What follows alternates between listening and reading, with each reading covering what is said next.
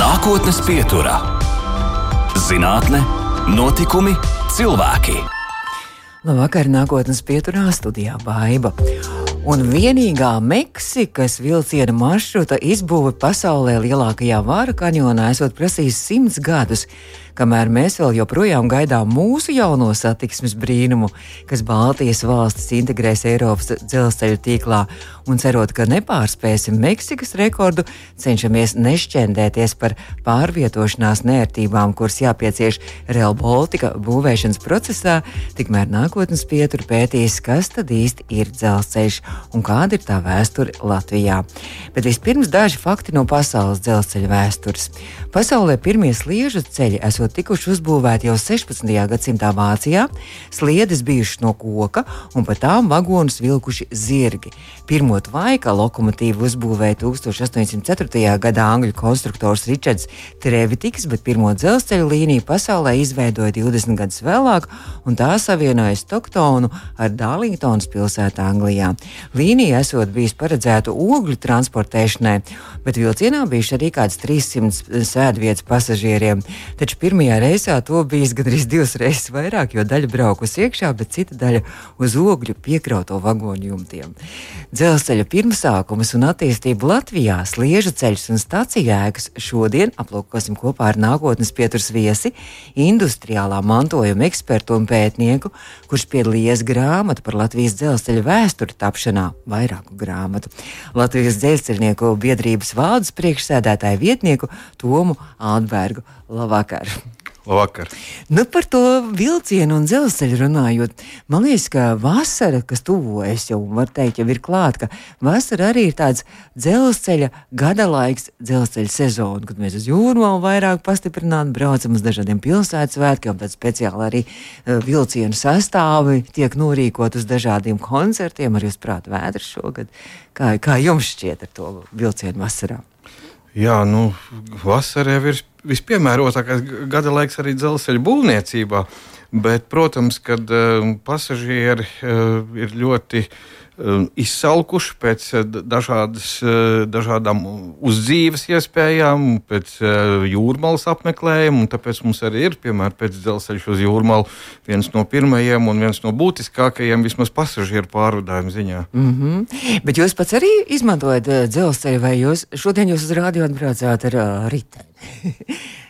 E, jā, izmantoju, dzīvoju pie Zasalauka stācijas, un tas ir ērtākais un praktiskākais un arī lētākais transporta veids. Tajā gadījumā, ja nevar braukt ar velosipēdu, kā piemēram pēc ziemā salā e, pie ledus, e, tādas pastiprinātas eksistences, tad es vienmēr izmantoju dzelzceļa pakalpojumus. Es nemaz liet ieskatēju par to pasaules dzelzceļa vēsturi, nu pavisam, pavisam nedaudz. Es ceru, ka es pareizi tos faktus atlasīju, bet par Latviju runājot, kad tad Latvijā pirmās dzelzceļa līnijas tika būvētas? Un, un kā tas notika? Vai tās jau bija uh, jau dzelzsliedes? Jā, Latvijā tas jau bija dzelzceļa un, un par to arī par pasaules vēsturi un par Latvijas vēsturi. Tur vēl daudz strīdīgi momenti. Eh, šobrīd, nu, mainoties tehnoloģijām un dažādām attālinātu darba iespējām, mēs piekļūstam ar vien vairāk informācijai. Šis, tas jau dzelzceļa vēsturē arī tāpēc pamainās. Bet nu, fakts paliek fakts. 1860. gadā atklāja vilcienu satiksmi uh, no Pēterburgas līdz Daugaupilī, nu, precīzāk izsakoties no Ostrovas, uh, jo līdz Ostrovai bija iepriekš uzbūvēts, un 1861. gadā no Rīgas līdz Daugaupilī.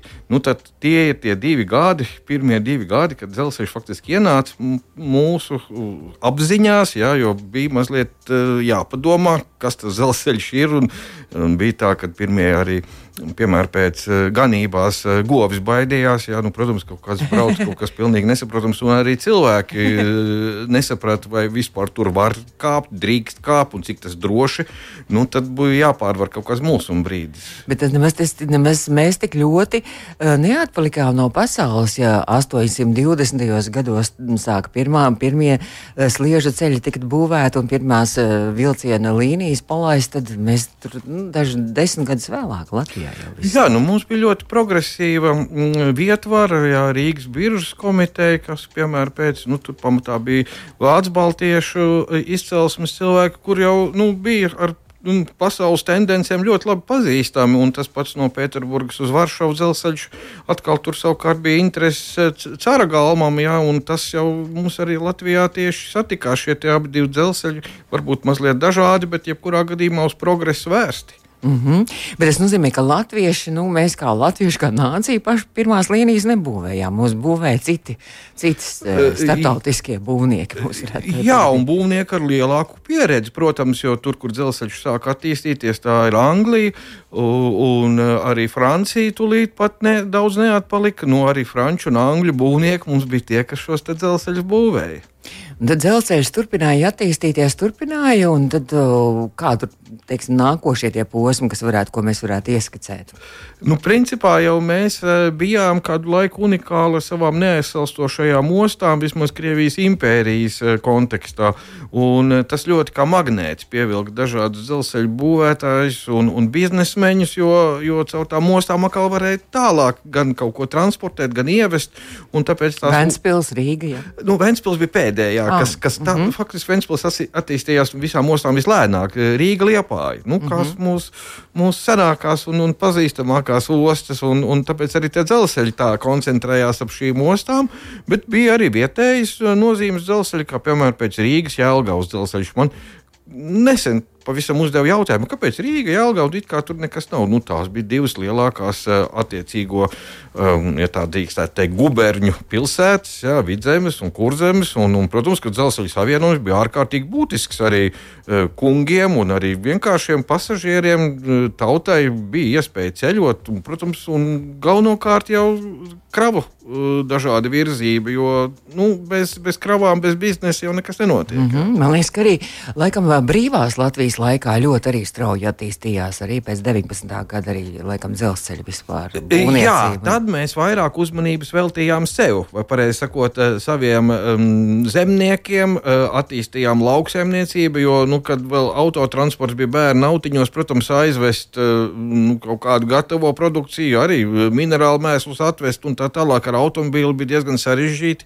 Ceļi bija sliktā stāvoklī, uh, dzelzceļu uzbūvēt ir pat tajā tajā vismaz mirklī bija vieglāk, mm. saprotamāk, un, un uh, bija pat tādi projekti, kuri nu, netika realizēti. Faktiski visai Latvijai bija jāpārklājas ar dzelzceļa tīklu ļoti biezu, un faktiski mēs bijām otrajā vietā Eiropā pēc dzelzceļa tīkla biezuma nevis uz kvadrātkilometru, uh, jeb, jeb uz laukuma mērvienību, bet tieši uz cilvēku skaitu. Oh. Tad mēs bijām īstenībā varam lepoties. Esam joprojām faktiski kaut kādā ziņā dzelzceļa liela valsts, jo, oh. jo nu, tur ir daudz objektīvu un daudz arī iemeslu, kāpēc uh, tas tā notika. Jā. Par to, ko mēs varam lepoties, mēs varam, ja nu, dzelzceļš tās nav tikai sliedes, tie nav tikai sliežu ceļi.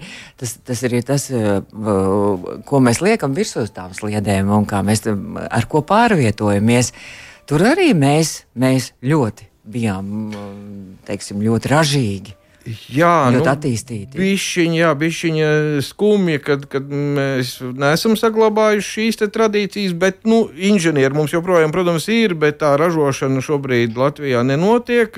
Bet remonts, jā, mums ir vairākas laikam, kādas četras uh, remonta, mm, teiksim, tā, remonta centri, kurā mēs joprojām remontējam ritošo sastāvu, un to darām arī saviem kaimiņiem, Igauniem, Lietuviešiem. Un, nu, mums tas sliežu platums neļauj tālāk izplasties Eiropas virzienā, bet, ja kurā gadījumā Latvija ir tāds savu, savā ziņā dzelzceļa centrs. Jā.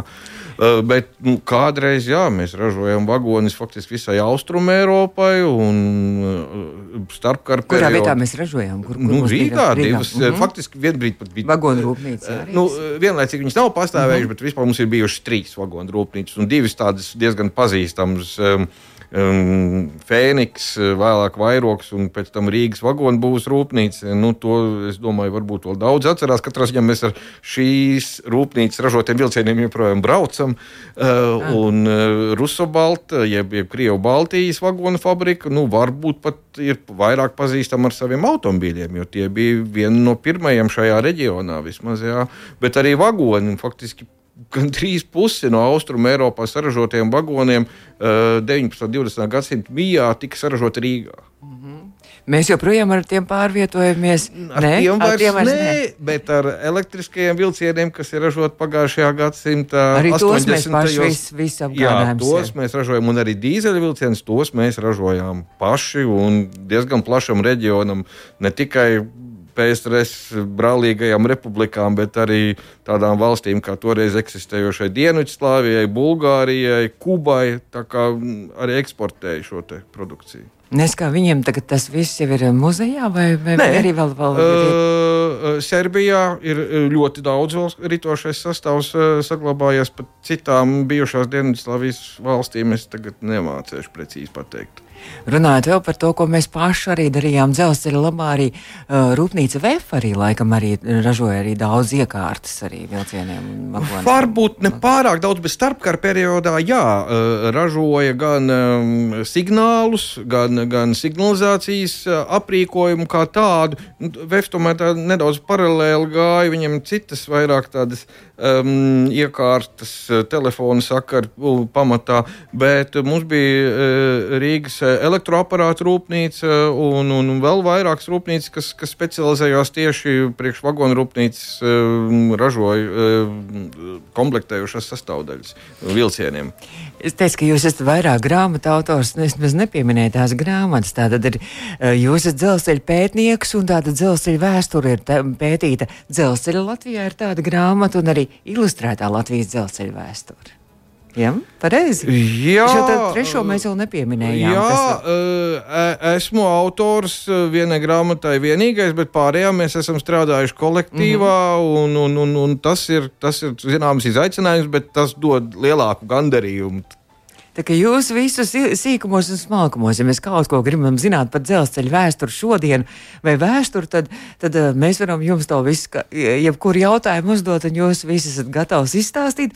Tad izstāstiet lūdzu mums arī par tām dzelzceļa stacijām, jo tas arī vēl tās stācijas ēkas, tas jau arī vēl noteikti vēl viens atsevišķs arī temats, kas arī jūs grāmatās apskatīts ir. Jā, nu, mēs esam tik bagāti, ka var, laikam citi var mūs apskaust. Eh, Nu, tā bagātība varbūt nav nākusi tāda. Tāda nacionāla, nu tā mēs esam atradušies eh, Krievijas impērijas sastāvā, tad ir mums bijis Vācu laika, Pirmais pasaules karš, tad ir mūsu pašu starpkara periods, un tad vēl viena Vācu laika, un tad atkal padomi laika, un, un, un, un no katra perioda mums ir kaut kāda mantojuma daļa palikusi. Eh, Tas ir baigi forši, tas ir interesanti pētīt, ir daudz ko, bet ar to mantojumu jā, nemaz tik viegli neiet, jo, jo stacija funkcija kādreiz bija pavisam savādāka. Ja? Nu, sāksim jau ar to, ka tur bija dzīvokļi stacijas darbiniekiem. Stacijas darbinieki tas nebija viens priekšnieks, bet tas bija priekšnieks virkne padotie. Kasieris, vērāji, pārmīnieki. Tur bija vesels štats, bieži vien pat kādi 50 cilvēki vienā stacijā. Nu, tā, tā, tā stācija uzblīda, protams, ja katram bija vajadzīgs kabinets, nu ne katram, bet, bet katrai nozarei, ja, un tad vēl tur jā, tiem priekšniekiem tie jā. dzīvokļi. Nu, tās stācijas mums ir bufete, un bufete pats par sevi. Uzgaidāmās telpas pirmās klases pasažieriem atsevišķi no trešās klases, jo kopā kungi ar uh, zemniekiem nevar vai neuzturēties. Nu, un tas mantojums mums ir palicis. Jā, tas nav viegli. Un tas ir jāuztur un jākopj. Tieši tā, nu, vai, nu- vai nu jāatrod kaut kāds risinājums. Nu, šobrīd mēs meklējam visvairāk risinājumus ar pašvaldībām. Mums ļoti ve veiksmīga sadarbība, piemēram, pēc Cēsis, Sigulda. Ja, tās stacijas ir atradušas pielietojumu. Viņas gan nav tās vecākās, un varbūt nav tās lielākās, un līdz ar to varbūt pievilcīgākās, bet nu, jā, tas ir izaicinājums. Kas varētu būt tādas interesantākās uh, dzelzceļa stācijas, kas, ar kurām jums iznāca saskarties, iepazīties? Jo es saprotu, ka jūs arī esat klātienē, visas apmeklējis un, un mēģinājis salīdzināt tā laika fotografijas un kaut ko restaurēt, un arī šī laika, kas varētu būt tādi interesantākās, varbūt arhitektūras ziņā. Jā, nu es neesmu arhitekts. Varbūt mana gaume ir, ir, ir tāda, nu, kāda viņa ir. Katram cilvēkam sava mazliet. Uh, bet es joprojām uzskatu, ka viena no interesantākajām ir Gulbens dzelzceļa stacijas ēka, ja, kas ir celta starpkara periodā. Arhitekts Pēters Feders ir, ir ļoti ievērojams arhitekts. Un, un, un man ir liels prieks, ka šī ēka ir atradusi savu pielietojumu. Jā. Protams, nu, tur ir sinerģija, tur ir daudz cilvēku iesaistījušies, bet ir atradusi. Un, nu, tāpat arī ļoti skaisti ir Liepājas stācijas ēka. Tur vēl, vēl jādomā, ko ar to mantojumu darīt. Tas ir ļoti plašs, bet nu, šobrīd mums tur dzelzceļa struktūras ir izvietotas. Nu, šīs lielās mezgla, mezgla stācijas, nu, un, protams, Mm, redzēsim, kāda būs jaunā Rīgas. Mm -hmm. Bet viena esot tāda arī, kur šobrīd ir uh, baznīca ierīkot arī vienā stācijā. Ja? Jā, Zemgājas dzelzceļa stācija. Nu, nu, viņas diemžēl ir saglabājusies daļa tikai otrā pasaules kara laikā. Vēl viena daļa vispār netika uzbūvēta, un viena daļa otrā pasaules kara laikā tika nu, papostīta, pēc tam nojaukta. Nu, un ilgu laiku šī stācija, es arī pirmo reizi, kad viņu apmeklēju, tas bija nemaldos 1992. gadā, durvis bija vaļā, viss bija nu, pamests. Ja, tad vietējā draudzene atrada iespēju katoļu draudzē tur uh, ierīkot baznīcu ja, un, un, un piestāvu. Mm. Tagad tajās vietās, kur droši vien vairāk nav dzelzceļa stācijas, nav dzelzceļa punktu un pieturas, uh, tās vietas arī atzīst kaut kādā citādākā veidā. Arī. Jā, ir arī privātie, ļoti aktīvi privātie e, īpašnieki, investori, ja tā drīkst tā teikt, nemaz ne tik bagāti cilvēki, bet nu, Airītas dzelzceļa stacija šobrīd jau ir pārvērsta par ļoti kvalitatīvu muzeju, un tur ir arī apartamenti. E, tie dzīvokļi, kas ir mm -hmm. būvēti dzelzceļniekiem, tagad tiek piedāvāti pārnakšņošanai. Ja. Bet brīnišķīgi. Izcila, ir, izcila izvēle un, un, un arī izcils šobrīd rezultāts. Ir. Nākotnes pieturā. Un mēs turpinām nākotnes pieturu šo raidījumu. Pēc tam varat noklausīties arī Latvijas Rādio 2 mājaslapā audio sētē un arī podkāstos lielākajās vietnēs. Un turpinām ar Latvijas dzelzceļa industriālā mantojuma ekspertu un pētnieku sārunu ar Latvijas dzelzceļnieku biedrības valdes priekšsēdētāju vietnieku Tomu Altbergu.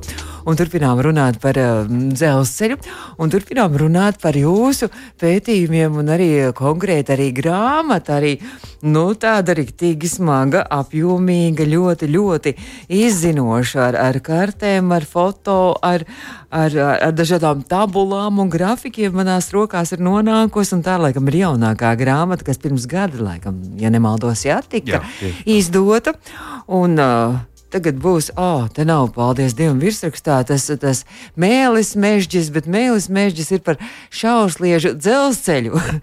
un 600 mm dzelzceļš Sēlijā Pirmā pasaules kara laikā būvniecība, mērķi un ietekme. Bet tad mums tad. Vajadzētu noskaidrot, kas ir, kas ir šie milimetri un kādi ir tie dzelzceļa sliežu standarti pasaulē Latvijā. Jā, nu tas pats uh, elementārākais ir, ir sākt ar sākumu. Un uh, sākums nav šausliežu dzelzceļš, sākums ir zirgu ratu.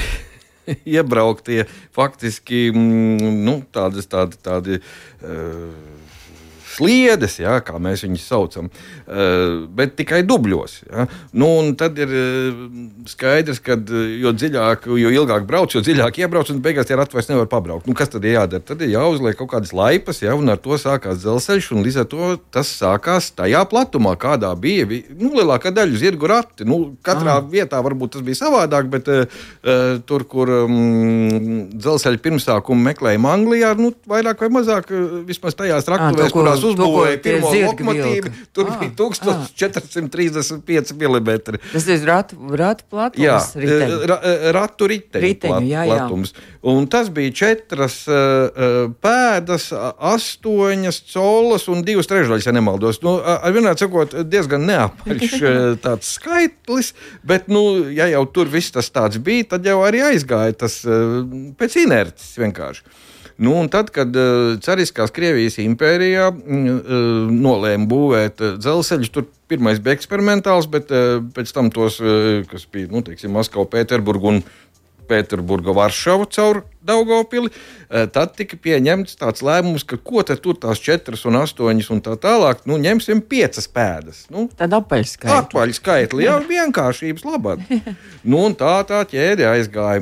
Tad, kad mm, Latvijas, eh, nu, faktiski brīvvalstī eh, dzelzceļi pēc Pirmā pasaules kara mantojumā bija palikuši, tad bija tie gan tie piecpēdīgie, protams, un arī tie, kurus Vācijas armija šeit uzbūvēja. Es runāju pagaidām par tiem placliešu dzelzceļiem. Tas 4 un tā tālāk. Nu, 1524 un 1435 mm. Bet bija arī šausliešu dzelzceļi. Šausliešu dzelzceļi ir vienkārši lētāki. Tāpēc uh, tos būvēja tur, kur ir nu, paredzēta diezgan maza satiksme, uh, jo sliedes ir vieglākas, tad, tad dzelzs tiek patērēts mazāk, prasības pēc uh, kāpumiem, kritumiem, infrastruktūras izbūvēja tad, tad ir zemākas, darbs mazāks. Nu, var vienot sakot, būvējam šausliežu dzelzceļu. Arī mazāk pasažieris var pārvadāt, ne? Nu, mazāk un lēnāk, bet nu, gulbens bānītis joprojām kursē. Tas ir pēdējais no tiem pamat, pamat šausliežu dzelzceļiem, kurus uzbūvēja mm, vēl līdz Pirmajam pasaules karam. Un tad ir karš. Un kara laikā atkal ir vēl citas prasības. Tam dzelzceļam to dzelzceļu jāuzbūvē maksimāli ātri, un par to dzelzceļu vispār kaut kas ir jāpārvērt, bet cik daudz pārvērt, tas ir jau sekundāri.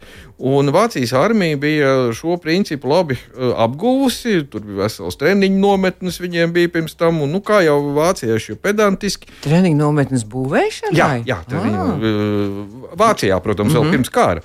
Un tad, kad sākās karš, um, gan rietumfrontē, gan īpaši austrumfrontē, jo šeit bija ļoti plaši apgabali, kuros nebija nekādi satiksmes ceļi, bet nu, kaut vai tas pats lielgabals, viņš ir kaut kur jāizved ja, ar kaut ko paņem un būvē tā kā konstruktori. Nu, tā kā mēs LEGO varbūt uh, mazliet sarežģītāk, bet uh, sliežu uh, posmu garums 5 metri, uh, 4 zaldāti paņem, noliek, nākamie 4 nes nākamo un skrūvē klāt. Tas maksimālais ātrums, kas uh, ir fiksēts, uh, tas esot 10 km diennaktī. Oho. Bet eh, nu, tas ir jau Mēs varētu atvieg... tagad pamācīties. Ne? Atvieglota tipa dzelzceļš, jā, mums tagad būtu labi tāds ātrums, jā, dzelzceļa būvniecībā. Bet, protams, jāņem vērā, ka pamatne ne visur bija ideāli. Pēc tam tie dzelzceļa grima un, un, un, un, un nu, kaut kādi darbi jau tur tika veikti. Bet... À, tāpēc arī tos akmeņus bēra daudz kur dzelzceļā. Jā, nu mums, lai mēs uzbūvētu modernu, mūsdienīgu un uh, ilgspējīgu dzelzceļu, jā, ir ļoti dziļi jāizrok viss tas, kas mums tur zemē ir iekšā. Tur bieži vien ir visādas nestabilas gruntis, kūdras un tā tālāk. Jāiepilda to ar, ar to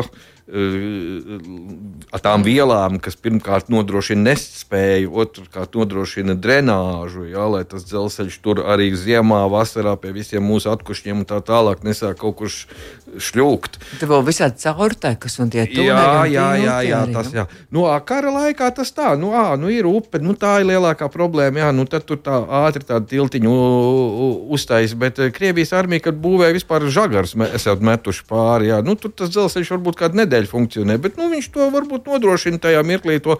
Un e, stāsts ir tieši par šiem Vācijas armijas būvētajiem dzelzceļiem Pirmā pasaules kara laikā, kas tika tādā lielā steigā arī sabūvēti. Bet ir sēljā, ja? Uh, jā, nu, tur bija frontes viss uh, sarežģītākais sektors, uh, jo tur faktiski nebija nekādu satiksmes ceļu. Tā bija gandrīz neapdzīvota vieta. Nu, protams, zirga rati kaut ko jau tur bija iebraukuši, bet pat to neko nevarēja transportēt. Un, tieši, un tur tieši beidzās fronte, austrumu fronte. Uh, līdz gandrīz līdz Daugaupīlī. Un uh, uz katru frontes sektoru tika būvēts savs dzelzceļš. Un tā radās šis, te, nu, faktiski priekš šausliežu dzelzceļu viens no lielākajiem vai plašākajiem tīkliem vispār pasaules vēsturē. Tur mums ir kopā ap tūkstoš kilometru. Ja? Un, Un, ir un, arī kārtas grāmatā. Arī un, un, un tas ir tāds unikāls, faktiski unikāls gadījums, un mēs uzskatījām, ka ir um, jāapraksta nu, pēc iespējas uh, sīkāk, smalkāk, lai parādītu, kā dzelzceļš var kalpot šādos apstākļos. Nu, ne tikai kalpot tur vienu mēnesi vai vienu gadu, bet pēdējo dzelzceļa līniju Vācijas armijas būvēto slēdza 1972. gadā. Oh, Tātad uh, 50. Cik tur sanāk, ka 72. gadā, jā, nu kaut kā 55 3... gadus pēc, pēc, pēc kara, nu faktiski, jā, nu no 17. gada skaita. Ah, no nu, tā kara? Ah. Jā, no uh mhm. -huh. Pirmā pasaules kara. Un, un, un vācieši jau nebija domājuši, ka viņi pirmkārt atstās to dzelzceļu, tikpat ātri, cik viņi ir uzbūvēti, tikpat ātri, pat vēl ātrāk viņi var salikt un aizvest. Ņemt līdzi, jā, ņemt līdzi, un tā tas arī bija paredzēts. Bet karš beidzās tā, kā tas beidzās un tie dzelzceļi, ne visi, bet viena daļa palika Latvijas teritorijā un turpināja kalpot. To skaitā starpkara periodā mūsu tautsēmniecībai un, un veicināja tautsēmniecības attīstību, piemēram, pēc meža strādi. Mm -hmm. Kur pārvadāja kokus. Jā, jā nu tagad mēs zinām, kā, ar kādu tehniku mēs vedam mežu ārā, kādus ceļus mēs būvējam. Mēs bieži vien arī viņus izmantojam citiem mērķiem. Tos meža ceļus nu, kādreiz tādu iespēju nebija. Vienīgā faktiski reālā iespēja izvest uh, ar vilcienu. Maziņu vilcienu, mm -hmm. bet ar vilcienu. Nu, tagad jau šis šaursliežu dzelzceļš no Gulbens bānijas, tas jau nu, turismu mēķiem kalpo, vai ne? Nu jā, nu tas ir citiem mērķiem arī mazliet būvēts. Tur jau pašā sākumā pasažierus pārvadāja un, un arī koku materiāls, protams, bet nu, viņš ir tāds stabils, fundamentāls. Viņš faktiski ir mazais brālis, bet daudz neatšķirās no lielā dzelzceļa. Tur ir visi tie paši principi ievērot, bet tas 600 mm vāciešu būvētais un tā vairāk tā kā rotaļlieta, ja mēs tā šodien uz to paskatāmies. Mm -hmm. Bet kāpēc, kāpēc milimetru? Metros mēra šos uh, sliežu platumus. Bet nu, nezinu, nu, var jau teikt, 60 centimetri, bet eh, tā kā tur tie sarežģītie uh, pēdas un colas pārvēršas neapaļos centimetros, 1435. Nu, kā tad tu teiksi, metrs 43,5? Nu, tad labāk tu pasaki to pilno milimetru skaitu. Mm -hmm. Labi, ka neaiz komatu, jo tur jau tu kaut ko varētu pieteikt. Šobrīd arī top atkal kaut kāds jauns pētījums un jauna, jauna literatūra, ko mums palasīt. Un, Jā, nu, mēs gribam turpināt to pētījumu, un, un tagad mēs gribam arī mazliet, varbūt tas nav šobrīd pārāk populāri, bet nu, parādīt to atšķirību vajag kā ceriskās Krievijas armija būvēja šos dzelzceļus. Nu jā, šobrīd tas tā varētu būt tā, tā slidēni. jā, bet eh, tad, kad mēs parādīsim, kā viņi būvēja, vai pareizi sakot, haltūrēja, tad būs uh, arī ah. interesanti. Jā. Tas vairāk būs tāds ar, ar jokiem, tā, tā nu, kā ar humoriņu. Joki vēsturē laikam nav laba lieta, bet uh, fakti un, un, un arhīvu materiāli ir šobrīd savākti tie paši par sevi visu pateiks. Mēs turpināsim vēl mūsu sarunu, bet uh, es atgādinu klausītājiem, ka mēs sarunājamies ar nākotnes pieturas viesi Latvijas dzelzceļa industriālā mantojuma ekspertu un pētnieku Tomu Altbergu. Nākotnes pieturā - zinātne, notikumi, cilvēki. Un, protams, arī pētniecība. Mēs runājam ar Latvijas dzelzceļa pētnieku, Latvijas dzelzceļa industriālā mantojuma ekspertu, arī Tomu Altbergu.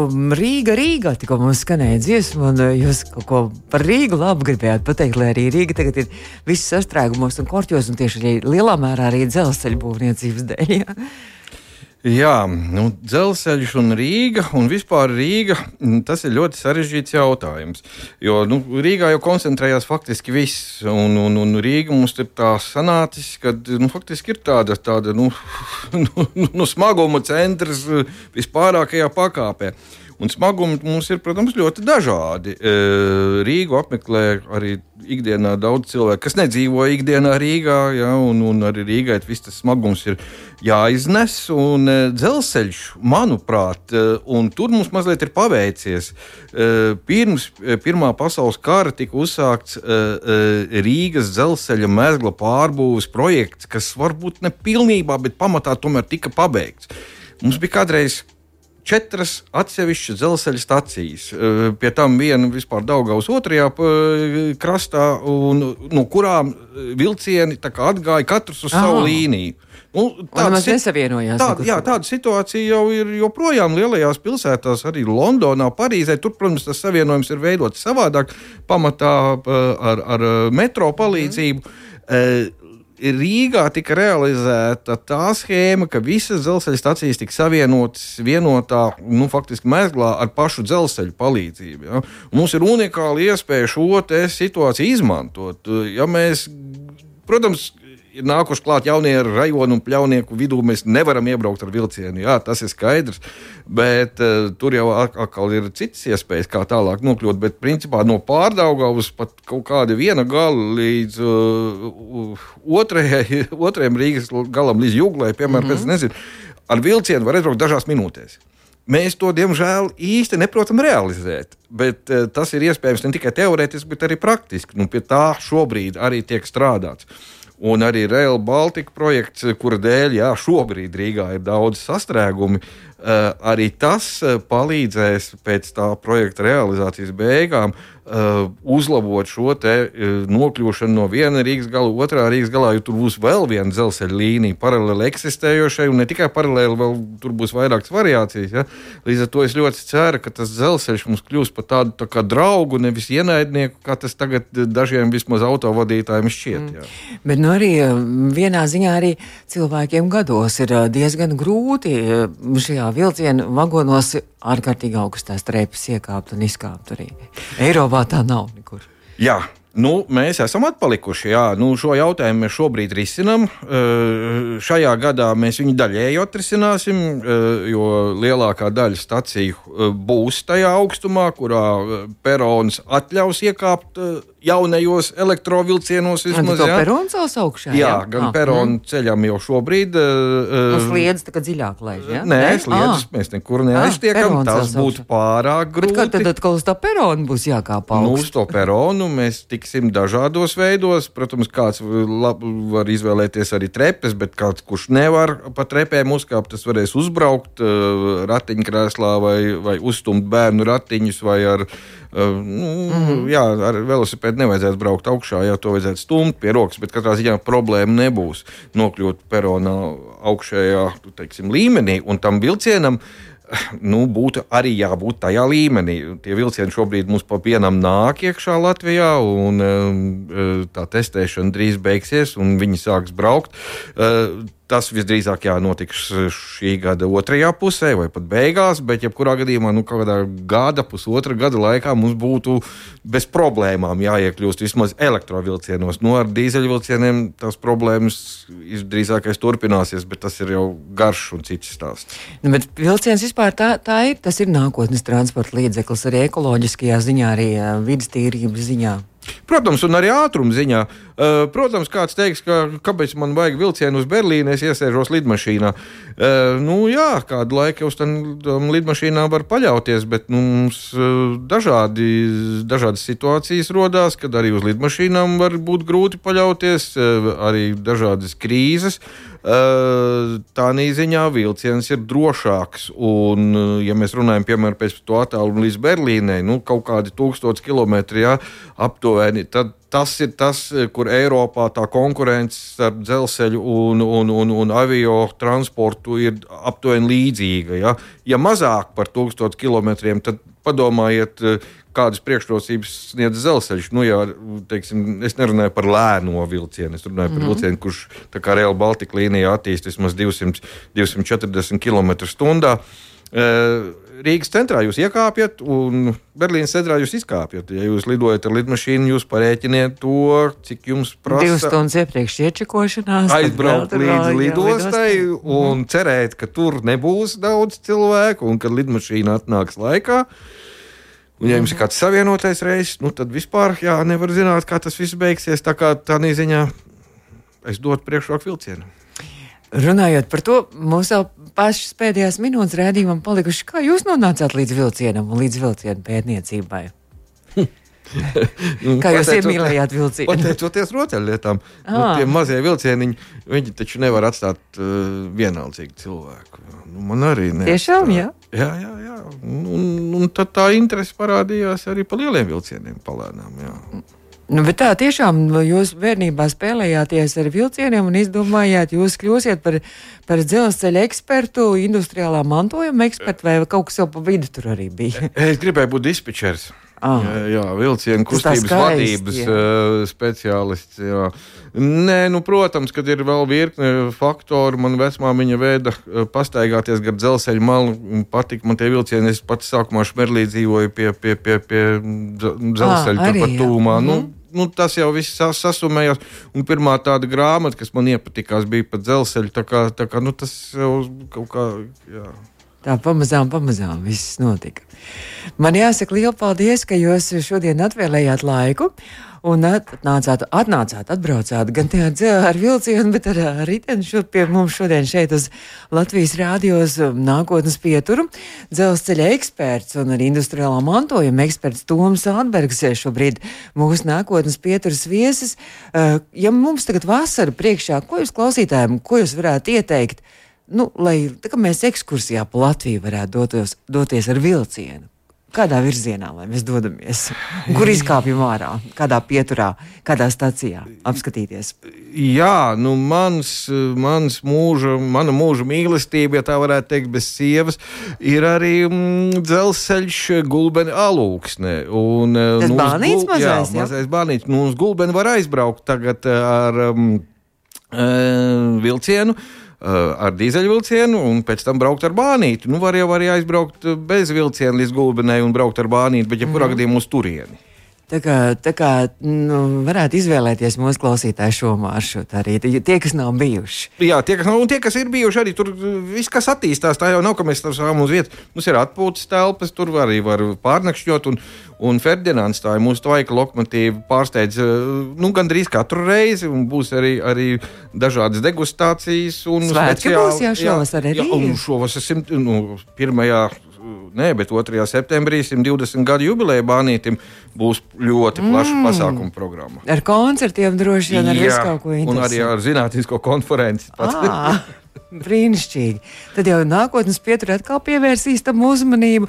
Kurā datumā jūs teicāt, septembrī? Jā, 2. septembris, nu, pirmā, pirmā sestdiena, mm -hmm. pirmā, pirmā septembris sestdiena, bet nu, sāksies jau piekdienu pasākumu. Tā kā jāieplāno septembra sākums, skolas sākums un jāieplāno arī doties uz, vismaz ja vasarā neiznāks laika, aizbraukt, tad uh, braukt uz turieni arī uz Gulbens Bānīšu svētkiem. Es saku lielu paldies jums!